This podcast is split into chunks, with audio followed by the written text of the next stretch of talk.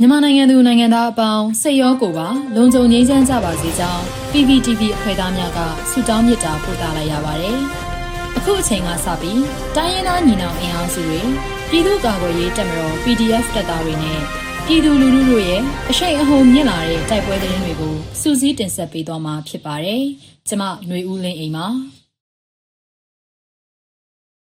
ပထမဆုံးအနေနဲ့မင်းကင်းမှာစစ်ကောင်စီတပ်တွေတိုက်ခိုက်ခံရပြီးစစ်သားလေးဦးသေဆုံးတဲ့တဲ့ရင်ကိုတင်ဆက်ပေးပါမယ်။စကိုင်းတိုင်းမင်းကင်းမြို့နယ်မှာစစ်ကောင်စီတပ်တွေတိုက်ခိုက်ခံရပြီးစစ်သား10ဦးသေဆုံးကြောင်းဒေသကာကွယ်ရေးတပ်တွေရဲ့ထုတ်ပြန်ချက်များနဲ့ဒေသခံများရဲ့ပြောကြားချက်တွေအရသိရပါဗျ။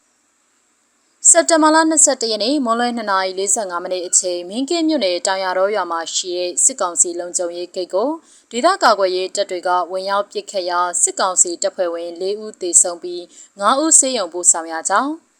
PDF တွေကချင်းတွင်းမြစ်အတွင်းကနေမော်တော်ရေရင်နဲ့ပစ်ခတ်ခဲ့ခြင်းဖြစ်ကြောင်းသိရှိရတာပါစစ်ကောင်စီတပ်ကတရားရရှိတဲ့စစ်သားတွေနဲ့တေဆုံးသူတွေကိုစိုက်ကယ်ဘေးတွဲနှစ်စီးနဲ့မင်းကင်းစေးရုံကိုအရေးပေါ်ခေါ်ဆောင်သွားကြောင်း စစ်ကောင်စီတပ်ကပြစ်ခတ်သွားတဲ့မော်တော်နောက်ကိုလိုက်လံပစ်ခတ်ပေမဲ့ဒေသကာကွယ်ရေးတပ်တွေထိခိုက်ခြင်းမရှိကြောင်းချင်းတွင်းနဂါမင်းကင်းမျိုးကသတင်းထုတ်ပြန်ထားပါတယ်။ဆက်လက်ပြီးခင်ဦးတိုက်ပွဲတွေမှာစစ်ကောင်စီတပ်ဖွဲ့ဝင်တွေအထိနာတဲ့သတင်းကိုတင်ဆက်ပေးပါမယ်။ စကိုင်းတိုင်းခင်ဦးမြို့နယ်ရှိမြင်းတောင်စာတင်ကျောင်းထဲမှာကင်းပုံးဝစ်နေတဲ့အကြမ်းဖက်စစ်ကောင်စီတပ်တွေဟာစက်တဘာ22ရက်နေ့နေ့လယ်2နာရီခန့်အချိန်မှာဒရုန်းနဲ့ဘုံသီးနှလုံးချတိုက်ခိုက်ခံရပြီးစစ်ကောင်စီတပ်ဖွဲ့ဝင်9ဦးသေဆုံးခဲ့ကြောင်းသိရှိရပါတယ်။ အလားတူစက်တင်ဘာ22ရက်နေ့နနက်အစောပိုင်းမှာလည်းရေဦးကနေထွက်လာတဲ့စစ်ကောင်စီတပ်တွေကိုမိုင်းဆွဲတိုက်ခိုက်ခဲ့ရာစစ်ကောင်စီတပ်ဖွဲ့ဝင်6ဦးနေရာမှာပဲတေဆုံးကတအူးမှာရေဦးစစ်ရုံမှာထပ်မံတေဆုံးသွားကြောင်း Spring Special Task Force MRDA ခွဲ KU ကသတင်းထုတ်ပြန်ချက်အရသိရပါဗျ။ကလေးမျိုးတောင်ဖီလာလမ်းစုံမှာစစ်သား3ဦးသေဆုံးတဲ့တဲ့ရင်ကိုဆက်လက်တင်ဆက်ပေးပါမယ်။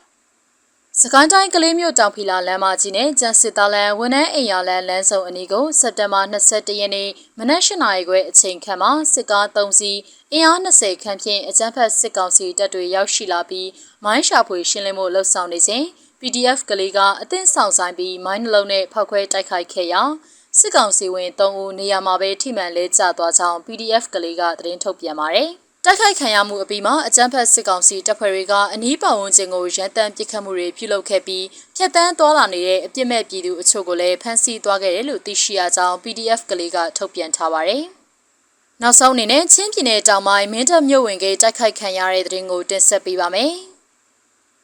စစ်တပ်ကဦးစီးပြုလုပ်တဲ့ဈေးရောင်းပွဲတော်ကိုကန့်ကွက်ကြောင်းပြသတဲ့အနေနဲ့ဒီကနေ့စက်တင်ဘာ22ရက်နေ့မနက်ပိုင်းမှာမြို့ဝင်ဂိတ်ကိုဝင်ရောက်တိုက်ခိုက်ခဲ့ကြောင်းချင်းဒေသကာကွယ်ရေးအဖွဲ့ CDF ကပြောပါရယ်။တိုက်ခိုက်မှုမှာစကားဆတပ်သားထိခိုက်မှုကိုတော့မသိရသေးဘူးလို့ဆိုပါရယ်